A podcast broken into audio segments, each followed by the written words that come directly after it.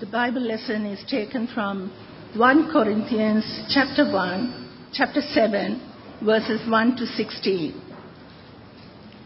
Now, concerning the things of which you wrote to me, it is good for a man not to touch a woman.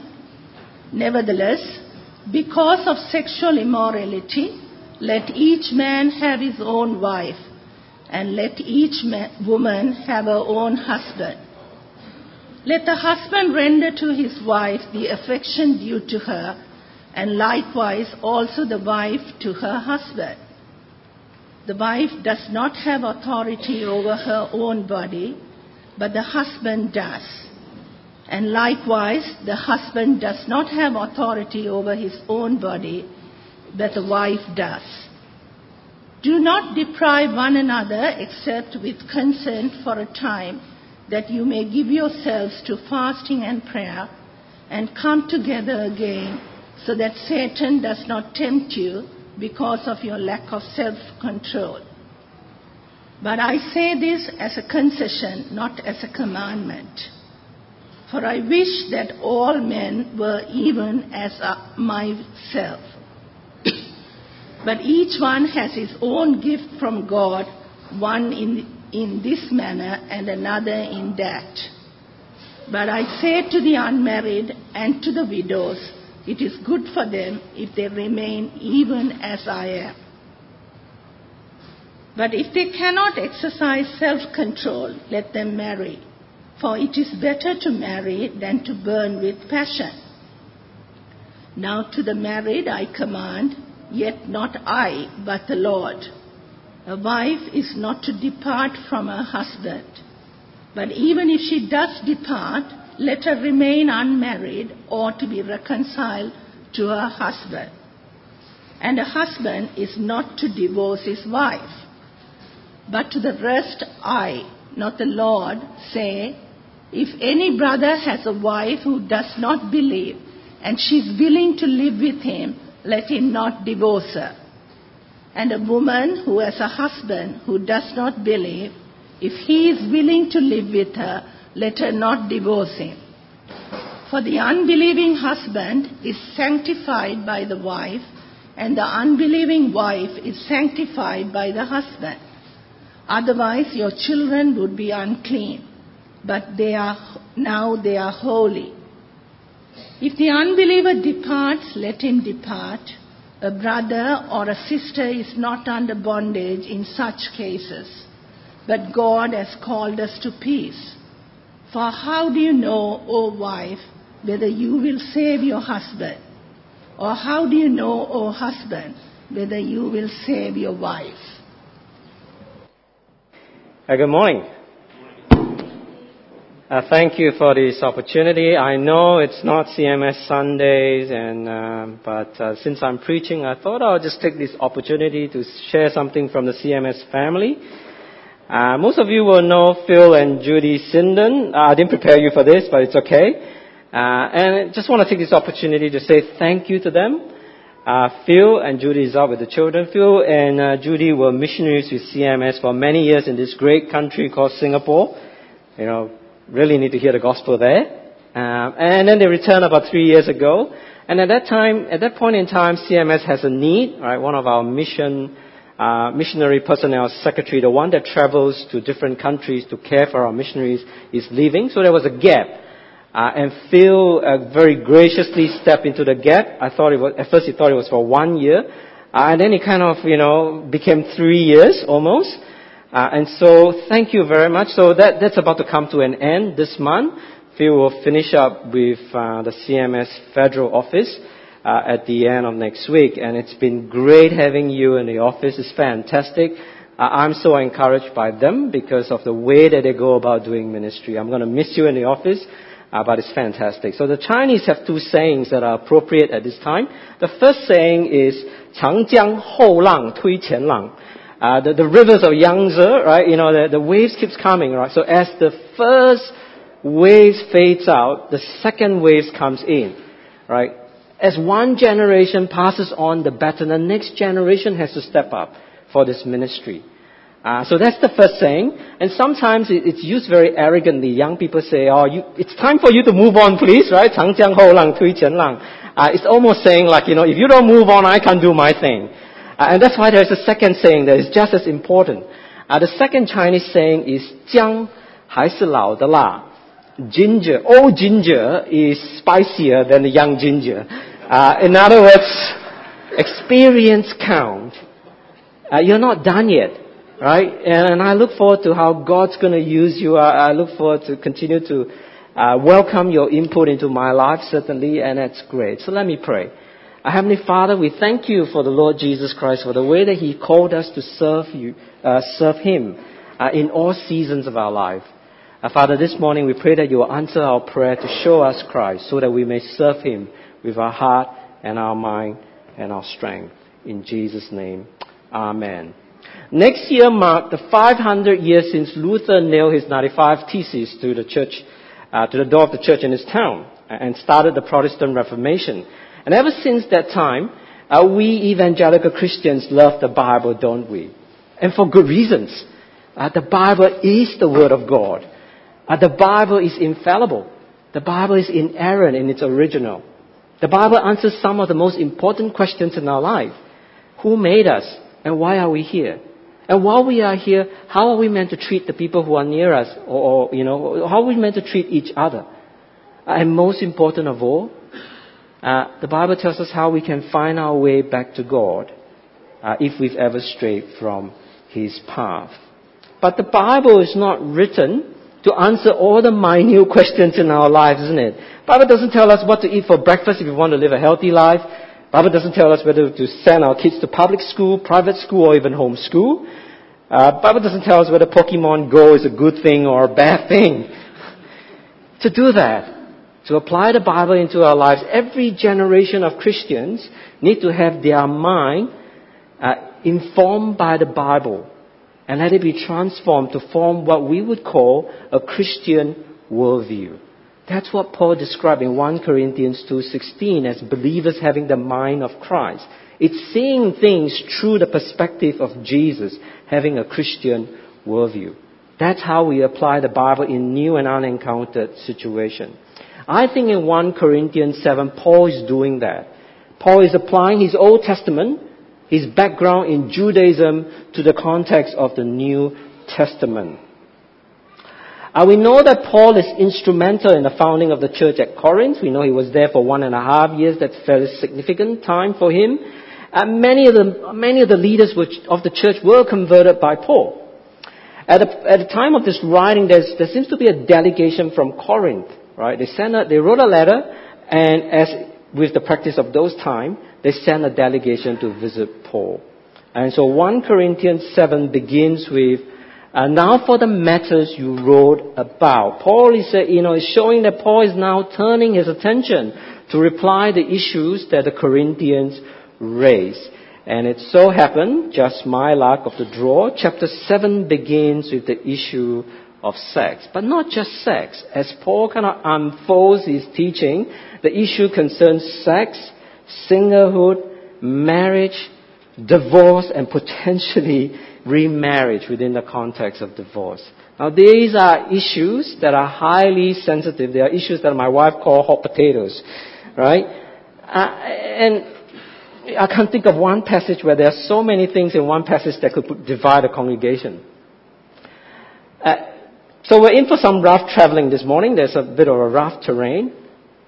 And sex, singlehood, marriage, divorce, these are topics that sit at the crossroads where the Christian worldview and the secular humanist worldview intersect most frequently and disagree most intensely. Agree? Isn't it? Uh, we, we have to get this right. In an ideal world, I, I wish I would, I wish I could say, let's just embrace both worldviews. Wouldn't that be great? Except that we can't. Right? These two worldviews are fundamentally, diagrammatically opposed to each other. And we have to make a choice about which of these two worldviews are going to govern our thinking and our behaviors. But it, we have to make a choice, and everybody should be free to make that choice. That's what it's about. My goal this morning is hopefully to show you that the Bible's worldview, right, it's, it's not as on, it's on this side. Right? It looks like a MasterCard, doesn't it? I keep thinking I should change the color. Uh, the Bible's worldview is not as random or arbitrary as some claim it to be. Right? You notice, if you look at your Bible now, right, verses 10, tw- uh, 6, 10, 12, a little bit later as well in 21, uh, that Paul makes the distinction between the things which are commanded by God and instructions which are from Him that he laid down as, as a rules for the church, of course, as the founding apostles uh, of the Gentiles. These are the words that the NIV Bible, if you have the NIV, kind of helpfully put in brackets. I, not the Lord, Lord, you know, the Lord, not I. So the question is, is this all in Paul's mind, so to speak? Did Paul make this up? Uh, you know, as he goes along, he's trying to kind of come, oh, I better say this. And because Paul is male, is this simply a reflection of Paul's patriarchal, male-dominated heritage? You know, there is almost an unwritten, unspoken assumption these days when people come to the Bible. It's almost as if we say, we know better than Paul, isn't it? I, am not so sure. Like I know that we evangelical Christians like to pull the apostolic authority card, right? You know, so Paul is the apostle, uh, and he's personally met the Lord Jesus Christ. He stands on a different platform than the rest of us. And so there is an authority vested on him to teach the truth, and we should just accept his teaching on that basis. I agree. Except that every time I say that, it just shuts down the conversation. We don't, we don't get very much. Today, I think we can say a little bit more than that. I believe in the apostolic authority of Paul. But I think we can say more about the theological framework that is driving and shaping Paul's thinking. Right? Paul is not just, it's, it's not random. Paul's drawing from his Old Testament and applying it to the new context, uh, the context of the New Testament. Sometimes I think it's helpful to step back a little bit first from the actual text, right, and, and see some of Paul's underlining thinking in broad stroke and outlines only, right? Um, some people like to call this systematic theology, right? Just kind of bringing chunks and framing and grouping them together systematically. And this ultimately is what worldview is made of, right? Thinking this is, this is going to help our Christian worldview. So here are some of the things that most people who would have read Paul over and over again would agree that this, this is what Paul is about. This is some of the underlining things that shape his thinking. Firstly, Paul's thinking is steep, you might call it marinated, right, in the Old Testament scripture. Especially Genesis 1, 2, and 3. Now you find in many of Paul's writing, he, whenever he talks about men and women, right, relationship, Paul always goes back to the early chapters of Genesis as the foundation to build his thinking. Uh, that, that, this includes sex and marriage. As far as Paul is concerned, Paul would say that sex and marriage is good. It's created in God, it has a purpose, and it's part of God's good design. Secondly, coming out of Paul's thinking of creation, right, doctrine chapter 3, uh, coming out of that is Paul's profound understanding of the effects of sin. Paul understands human nature. Right? Sin isn't just an act of misdemeanor. It's just doing this naughty thing or that. Paul has a very thorough understanding of what human beings are about, even better than any psychologist. And I married one, and she's quite good. But Paul is better than that. So for Paul, sin isn't just breaking a law and a command. See, sin infiltrates into every part of our human activity and being, including our thinking. That's, it affects that. Paul talks elsewhere about how we as an individual, as society, right, suppresses the knowledge of God. We don't even realize we're doing that because it's deep at a subconscious level. We think we're wise, but actually we're not. We, we, we like something, but we don't really know why we're doing it. Alright? So here again is, is an example where the Christian worldview and the secular worldview are very, very different. Even when we're talking about the same concept. For example, the concept of freedom. Uh, for, in, in the secular mindset, freedom really is defined by the lack of censorship. It's, it's the absence of censorship.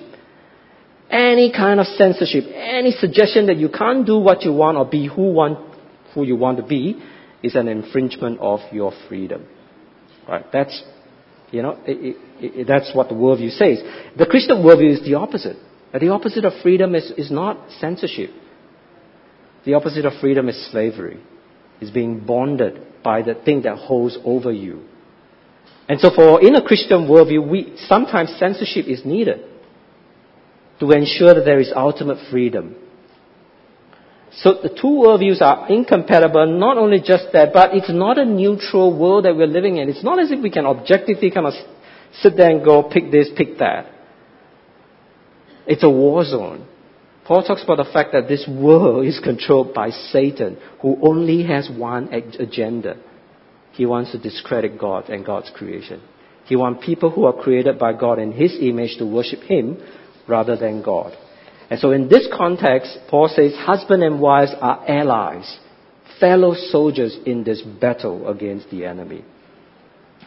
Those who read Paul regularly will agree that at the, centers of, at the center of Paul's thinking and teaching about God is the cross of the Lord Jesus Christ. He is the, the theologian of the cross par excellence. Here is the power, here is the place where the power of Satan is broken and freedom from slavery is won. It's won by Jesus, who is our champion, our representative as the perfect human being, uh, and he did it on the cross. Before Paul's conversion, the cross was a stumbling block, it was a joke. How could the Messiah of God be crucified? After his conversion, the cross is where Paul says that's the power, that's the model.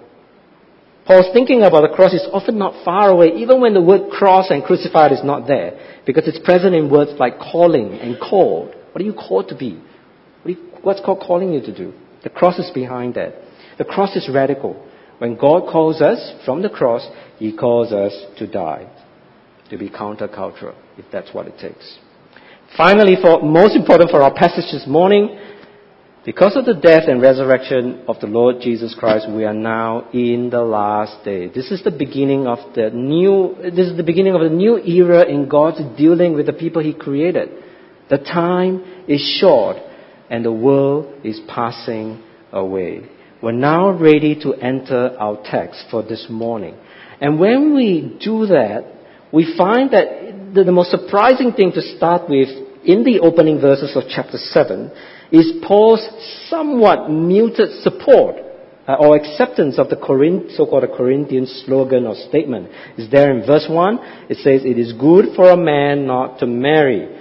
Other translations of the Bible have not to touch or not to have sex, right? It's all meaning, it's all referring to the, the one thing, which is the act of having physical intimacy through sex. Right? The slogan is kind of a shorthand way to summarize a complex set of teachings. It may even be from Paul that the Corinthians misunderstood. Some, some scholars believe that.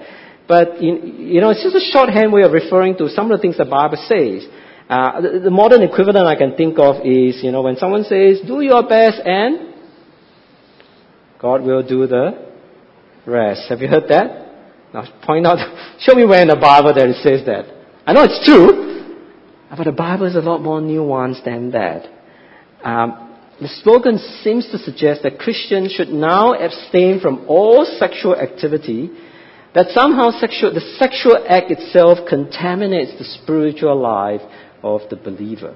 Now, this clearly is not the Old Testament view of sex and marriage, but it's quite a common view among the Greeks. A contemporary version of this kind of Greek dualistic thinking is captured by the novel The Unbearable Lightness of Being. It's not a book you'll find on my bookshelf now. Um, I, I read it at a time when you know it was a very challenging time for me when I was serving in a military regiment in Taiwan. It was one of the most challenging period in my life as a young person uh, following God. But you know, the characters in, in, this book are all seeking for the ideals of love and companionship. Uh, but, and these are good things, right? They, these are things that are associated with the soul, with the human psyche. Uh, and there is a, a, very clear division between things that are of the soul and things that are of the body. Right? There's this, you know, this, this thing called body and sex. And so Thomas, the male protagonist, believed that he could have sex with as many women as he liked, and he did, because it's just sex. But his higher functioning, his love, his sense of companionship, is only for Teresa, his wife. paradoxical twist, Teresa, his wife, also shares the same view, right? He puts up with the husband. She felt like her body is dirty. It's dirty, it's base, it's heavy, belongs to this earth. She longs for the day when her soul is free from the body. Salvation is gained when the soul leaves the body and united with some higher being, some higher function. It's a complex book with segment of pure lust and sex and segment of pure philosophy. That's the divide. And I think that's, that's a great mindset. I think in some ways that still reflects our mindset. We somehow trade sex for love and we kind of see them as two separate things. The Corinthian statement has this kind of ring to it.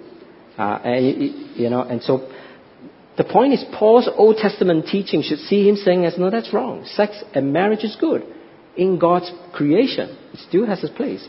Except that Paul didn't say that right out. Instead, he kind of qualifies it. And so clearly something has changed in Paul's thinking. Or rather, someone has changed Paul's thinking. And that person, of course, is the Lord Jesus Christ. The key to unlocking um, chapter 7 is found in verses 29 to 31. You're going to have a look at it next week. Uh, but uh, if I don't look at it this week, we're most certainly going to misunderstand Paul. What I mean, brothers, is that the time is short. This is towards a little bit later in the passage. From now on, those who have wives should leave as if they had none. Those who mourn as if they did not. Those who are happy as if they were not. Those who buy something as if it were not theirs to keep. Those who use the things of the world as if not engrossed in them. For the world, uh, for this world in its present form is passing away. And surely that must include Pokemon Go, right? It's just gonna go. Eh, all of a sudden you get the sense that, you know, for Paul, the most important thing is not whether you're single, you're married, you're gonna have sex or not. That's not the most important thing. The most important thing is what you're gonna do in this period of time where God's gonna come back again. Time is short. The world in its present form is passing away. That includes sex, marriage, divorce, remarriage, etc. In other words, there's an expiry date to the institution of marriage. Jesus says that in, in the new age, there will be no receiving and giving of marriage. You know, I wish that, I wish that all married couples kind of have this as their first lesson in marriage preparation course. Right. In fact, the, the, the, best time to teach this is before they're even thinking about getting married, because by the time they sit across me in my office, you know, beady eyes and so determined to be married, so determined that that's the right person that God has chosen for me, they're not listening. The most important question to ask them is, how is your marriage serving the mission of God?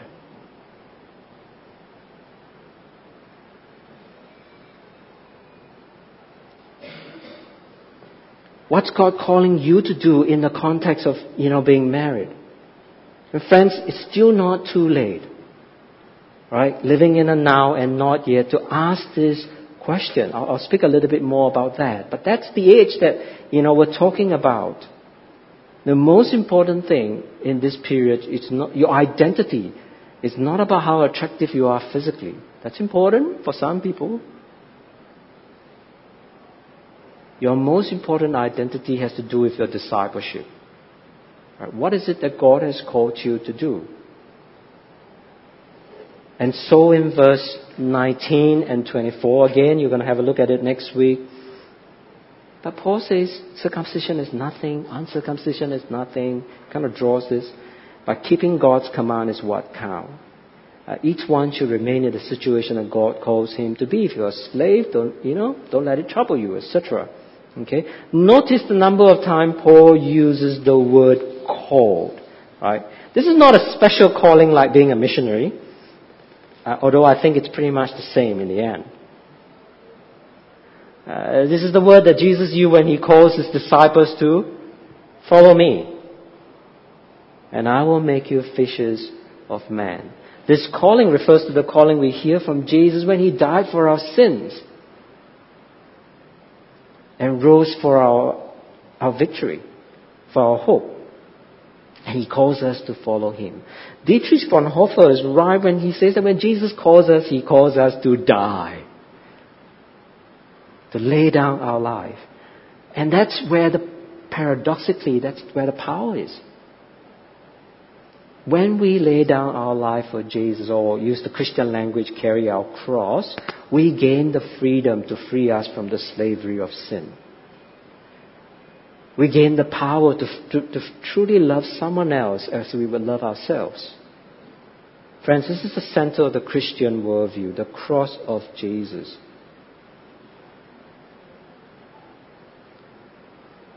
In our ideal world, of course, the, the world doesn't think like that. The world is you, good as you. Uh, in an ideal situation, like I said, I wish we could embrace both worldview, but you cannot love the world and Jesus at the same time. You cannot have both worlds because one world is coming to its fullness when Jesus returns, another world is passing away. You know, I mentioned the fact that I, I struggled as a, a, Christian for, for, for the longest period of time. I thought I was dead. I thought I surrendered all my life to Jesus. Until one night, one period when I realized I haven't. I was holding back. I was living in both worlds, so to speak. And boys, it was hard. It's hypocritical. And until I learn to reject, I have to turn my back on one world and say, Jesus, I don't know how this is going to work out, but I fully trust you. You're going to help me work this out. And the minute you do that, you realize that you've made a decision, uh, and the world's not going to like that. Right? It's, it's really going to be very, very hard. But is Jesus worth it? That's the big question, isn't it? While we're on this slide, you know, again in the context of the debate that's going on among us, there are some Christians who say, you know, we have, uh, we've changed our position on slavery, right? We became more progressive. Why can't, and also we've, you know, now we have women have rights in the sutra.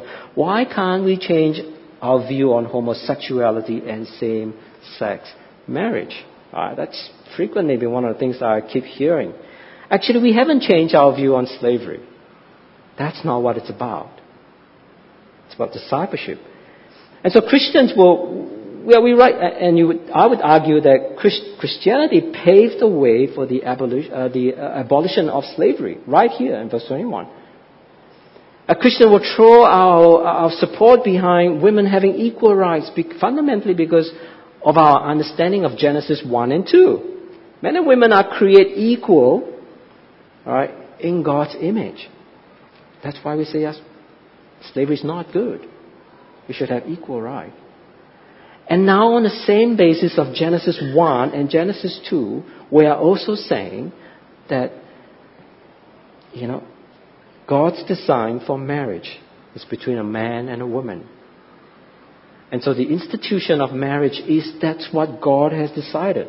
We, are, we haven't been inconsistent, we are being consistent because we're going to see that Paul comes back to Genesis 1 and 2.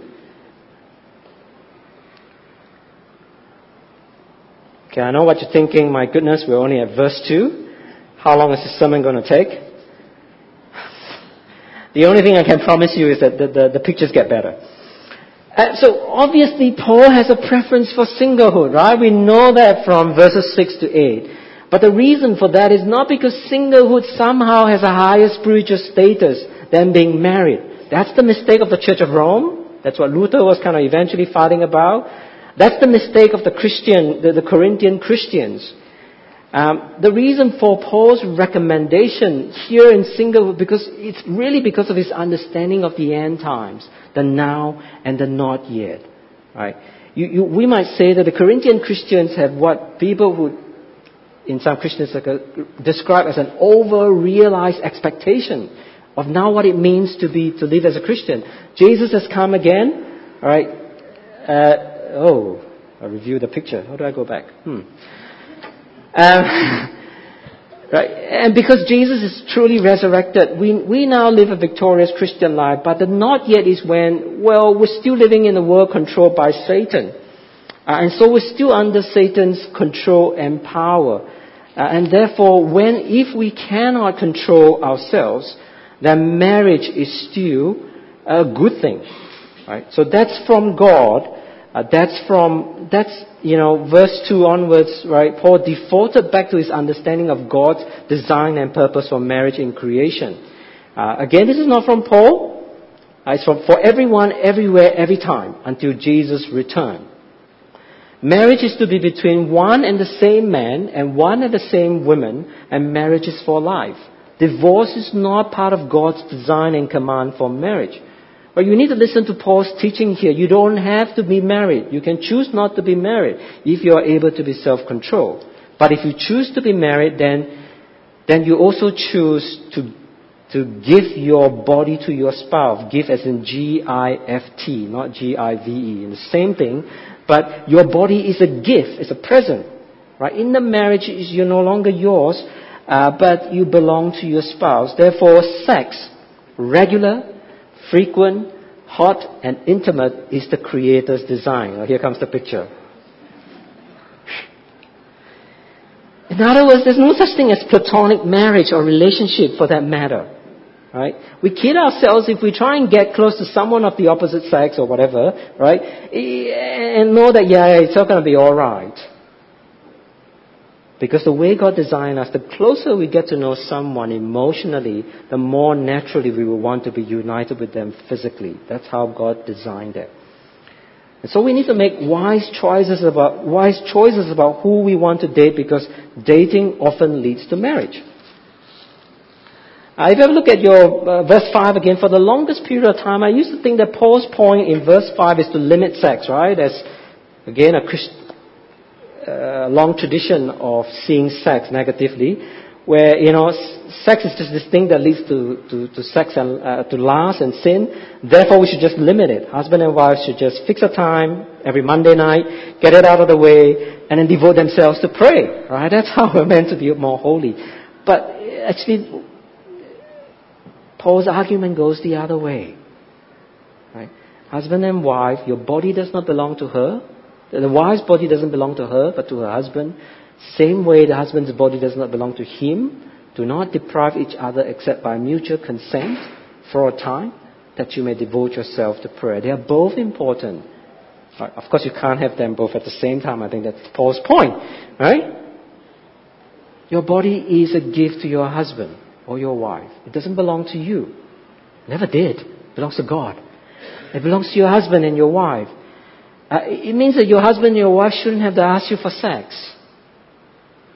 Nor should there be conditions set up to restrict the freedom of sex within the marriage, all things being equal. Right? There's a season where you, you know, sex won't last forever. Sex is neither a reward or a punishment. Neither is sex a trade-off to find the ultimate thing that our society craves, which is love and acceptance. Uh, that's the ironic thing. We all want the same thing, whether whichever worldview you are in. You want someone to love you. You, you want someone to know, accept you for who you are. Except that ironically, in, in a world, this, this trade-off that you subject yourself to sex in order to find love and acceptance. Uh, I often look at this picture and ask myself this question does it look like love or does it look like slavery? And there is this streak of um, dominance and, and, and submission that really isn't from the Bible. But you see it if you see Japanese and Korean dramas, right? It's there. But it's, it's an unbiblical view of sex. And the scary thing is, is even here in church, right? Some people have this understanding of male headship as dominance. Um, I, I disagree. I don't think that's what Paul is saying. The way that Paul nuanced the interdependence between the man and the woman, the reciprocal nature of the giving and the receiving of this gift of the body, suggests that sex is a mutual sharing of satisfaction uh, and longing. It's not about seeking your own uh, satisfaction at the expenses of your spouse. It's never about using sex to control the other person or putting the other person down.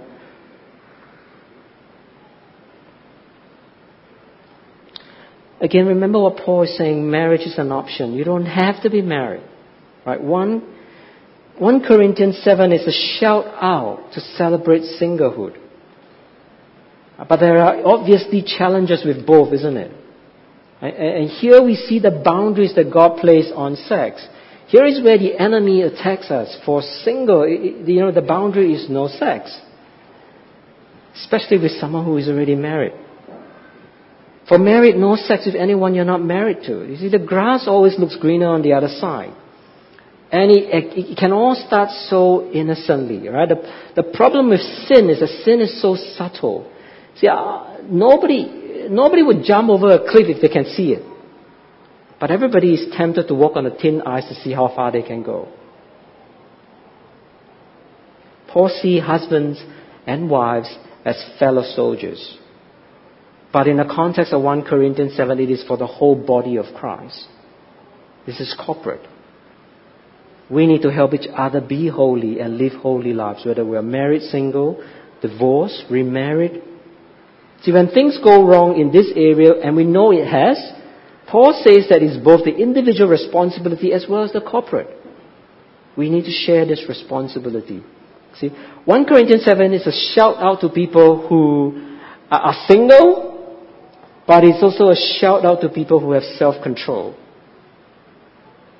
Which means that the next time you're tempted in the office, someone's flirting with you and you turn away, good on you.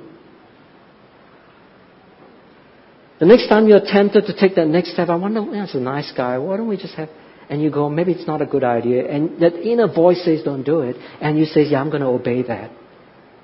Good on you. 1 Corinthians celebrates that for you.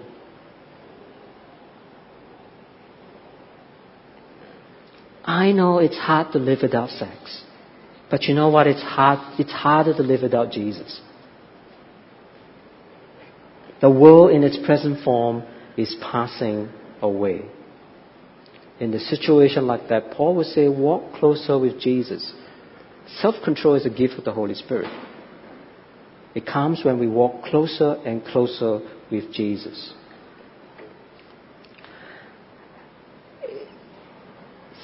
It's there.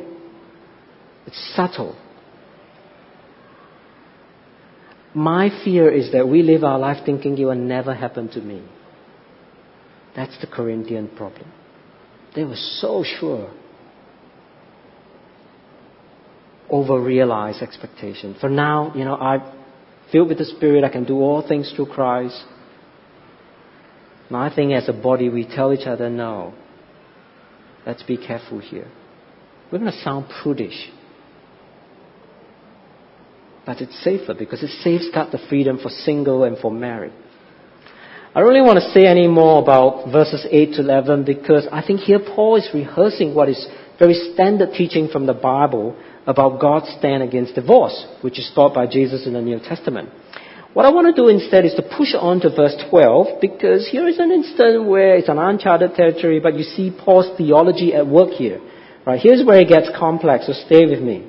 Alright, so verse 12 is, you know, to the rest I say this and I, not the Lord, that, that's his qualification in saying, look, this is where God's command is clear, no divorce, but in the context of what, where we are at right now, I want to kind of give my wisdom here. If a brother has a wife who is not a believer and she is willing to live with him, he must not divorce her. And if a woman has a husband who is not a believer, he's willing to live with him, she must not divorce him. So clearly very standard, no divorce. But, uh, sorry, no, for, for the unbelieving husband has been sanctified through his wife, the unbelieving wife vice versa, and their children will be regarded as holy. But if the unbeliever leaves, let him do so. Unbelieving man or husband or, or woman is not bound in, excuse me, in such circumstances. God has called us to live in peace. How do you know wife, husband you won't save, uh, wife you won't save your husband, uh, and vice versa? How unique, I'm sharing this, cross culturally. How unique is this situation compared to so many other religions in the world? If you want to marry someone from a different religion, that person has to convert. Period. Or face persecution. Uh, it, still happens now in the mission field, right? The suggestion is that here is one family where one person is a convert, the other person is not. One person is on one worldview, eventually the other person is still in an old worldview. Uh, it also, I think it applies to a situation where a believer chooses to marry a non-believer. Ooh. Marriage is not sin. Denying Jesus is. Even then, it's amazing that Paul suggests that the, the, the unbeliever should be free to choose whether he or she wants to follow Jesus or not. And it's understood from what Paul has been describing here, everything that Paul has said previously about the goodness of marriage applies here. The, the believing wife, husband, is to give his body or her body to the spouse unreservedly. You don't hold back. God's good creation, uh, God's marriage according to creation still stands. Love your unbelieving spouse too with your whole heart. Paul speaks mysteriously about such a union as being sanctified by God. This is an amazing verse. So hopeful, in my opinion. Ultimately, I don't know what will happen. It's a reflection of a generous and gracious God who wants all families to flourish and grow. The believer now is a witness, a missionary to his own family, and the hope is that the whole family will turn. Now, given the, the Bible's emphasis on the importance of marriage, the negative view on divorce, what Paul then has to say is, is astonishing, right? Because Paul is as good as saying, divorce, yeah, marriage is off. Here lies the complexity with divorce. That's why whenever we encounter a broken marriage in a family, it's not simply a case of trying to work out who's at fault, who's not. It's a lot more complicated than that. Uh, the understanding is that, you know, it's the non-believing partner that has made the choice. It's, it's not initiated by the believing, the, the believers. It's done everything to keep the peace except deny his or her faith. Except subject himself or herself to the abuse, right? Abuse is never in a context of the Bible. If there is an abuse, you walk out of that marriage. That marriage is already broken in some sense. Never hear me saying that if there's an abuse in a marriage right now, that you need to stay there and suffer for it because of the Bible's view of divorce. But yet, it's astonishing. So the believer has done everything right. Non-believer wants a divorce, and Paul says, let him go. Why? Again, I think it reflects Paul's thinking of the last days. In the end times, very sadly, the believers and the non-believers stand on opposite spectrums, on opposite ground. One will be saved, and the other will be lost eternally. They stand on opposite side. And because of this period of now and not yet, the reality is already here. Paul says if that person wants to, act, wants to push for that reality right now, Paul says let him or her go. This brings me to my conclusion. we got here. 1 Corinthians 7 is complex. And I, again, you know, happy to have chat with you, correct me, and, and but it's not random. It's not arbitrary. It reflects Paul's understanding of God's mission and purpose today.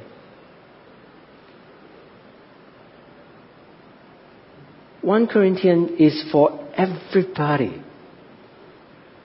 Doesn't matter whether you are married or divorced, single not having sex, single having sex and struggling with it, struggling with same sex attraction,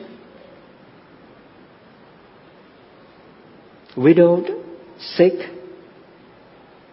All those categories are here because there's only one overarching message uh, in 1 Corinthians 7 and it's kind of beautifully written in this book. In the opening lines of this book, it's not about you. Here is where we are so different from the world around us.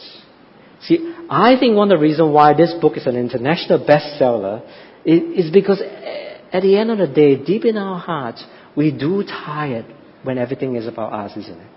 Somehow when we hear those words, it's not about you, it's liberating.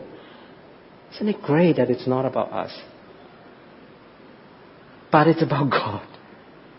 The world is very different. You see, the, the, at the center of the worldview, it is all, all about you. But more than that, as someone was telling me that um, the acronym GAY, G-A-Y, uh, is now people just say gay means good as you. See, if we, if we imbibe that worldview totally, then it locks us in.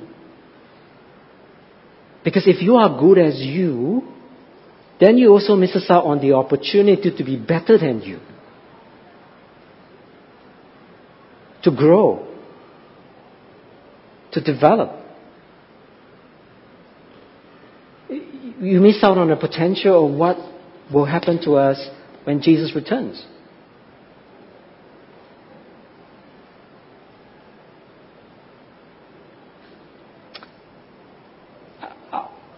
I was going to say a lot more, but I think, you know, I'd rather have chats with you later. Uh, can I just say at the end, if it's not about you, then what is it about? It's about Christ in you. The paradox of the Christian worldview is that unless we die, we will not experience this freedom we will not experience this power. And we could go into details about divorce and, and remarriage and things like that, but the fundamental questions at the end of the day is what is God saying to you about your discipleship? If we can sort that out, we have a better chance, you know, uh, of living a Christian life. Let's pray.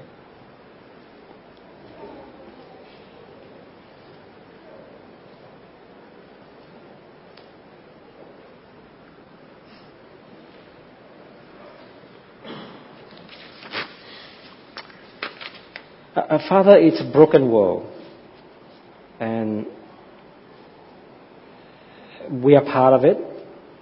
We are hurt by someone, and we both hurt other people, and we hurt someone. Uh, we ask for your forgiveness. Uh, we pray that we'll be the sort of people who have a Christian worldview, that our, our, our thinking be, be changed by you, so that your name may be glorified. In Jesus' name. Amen.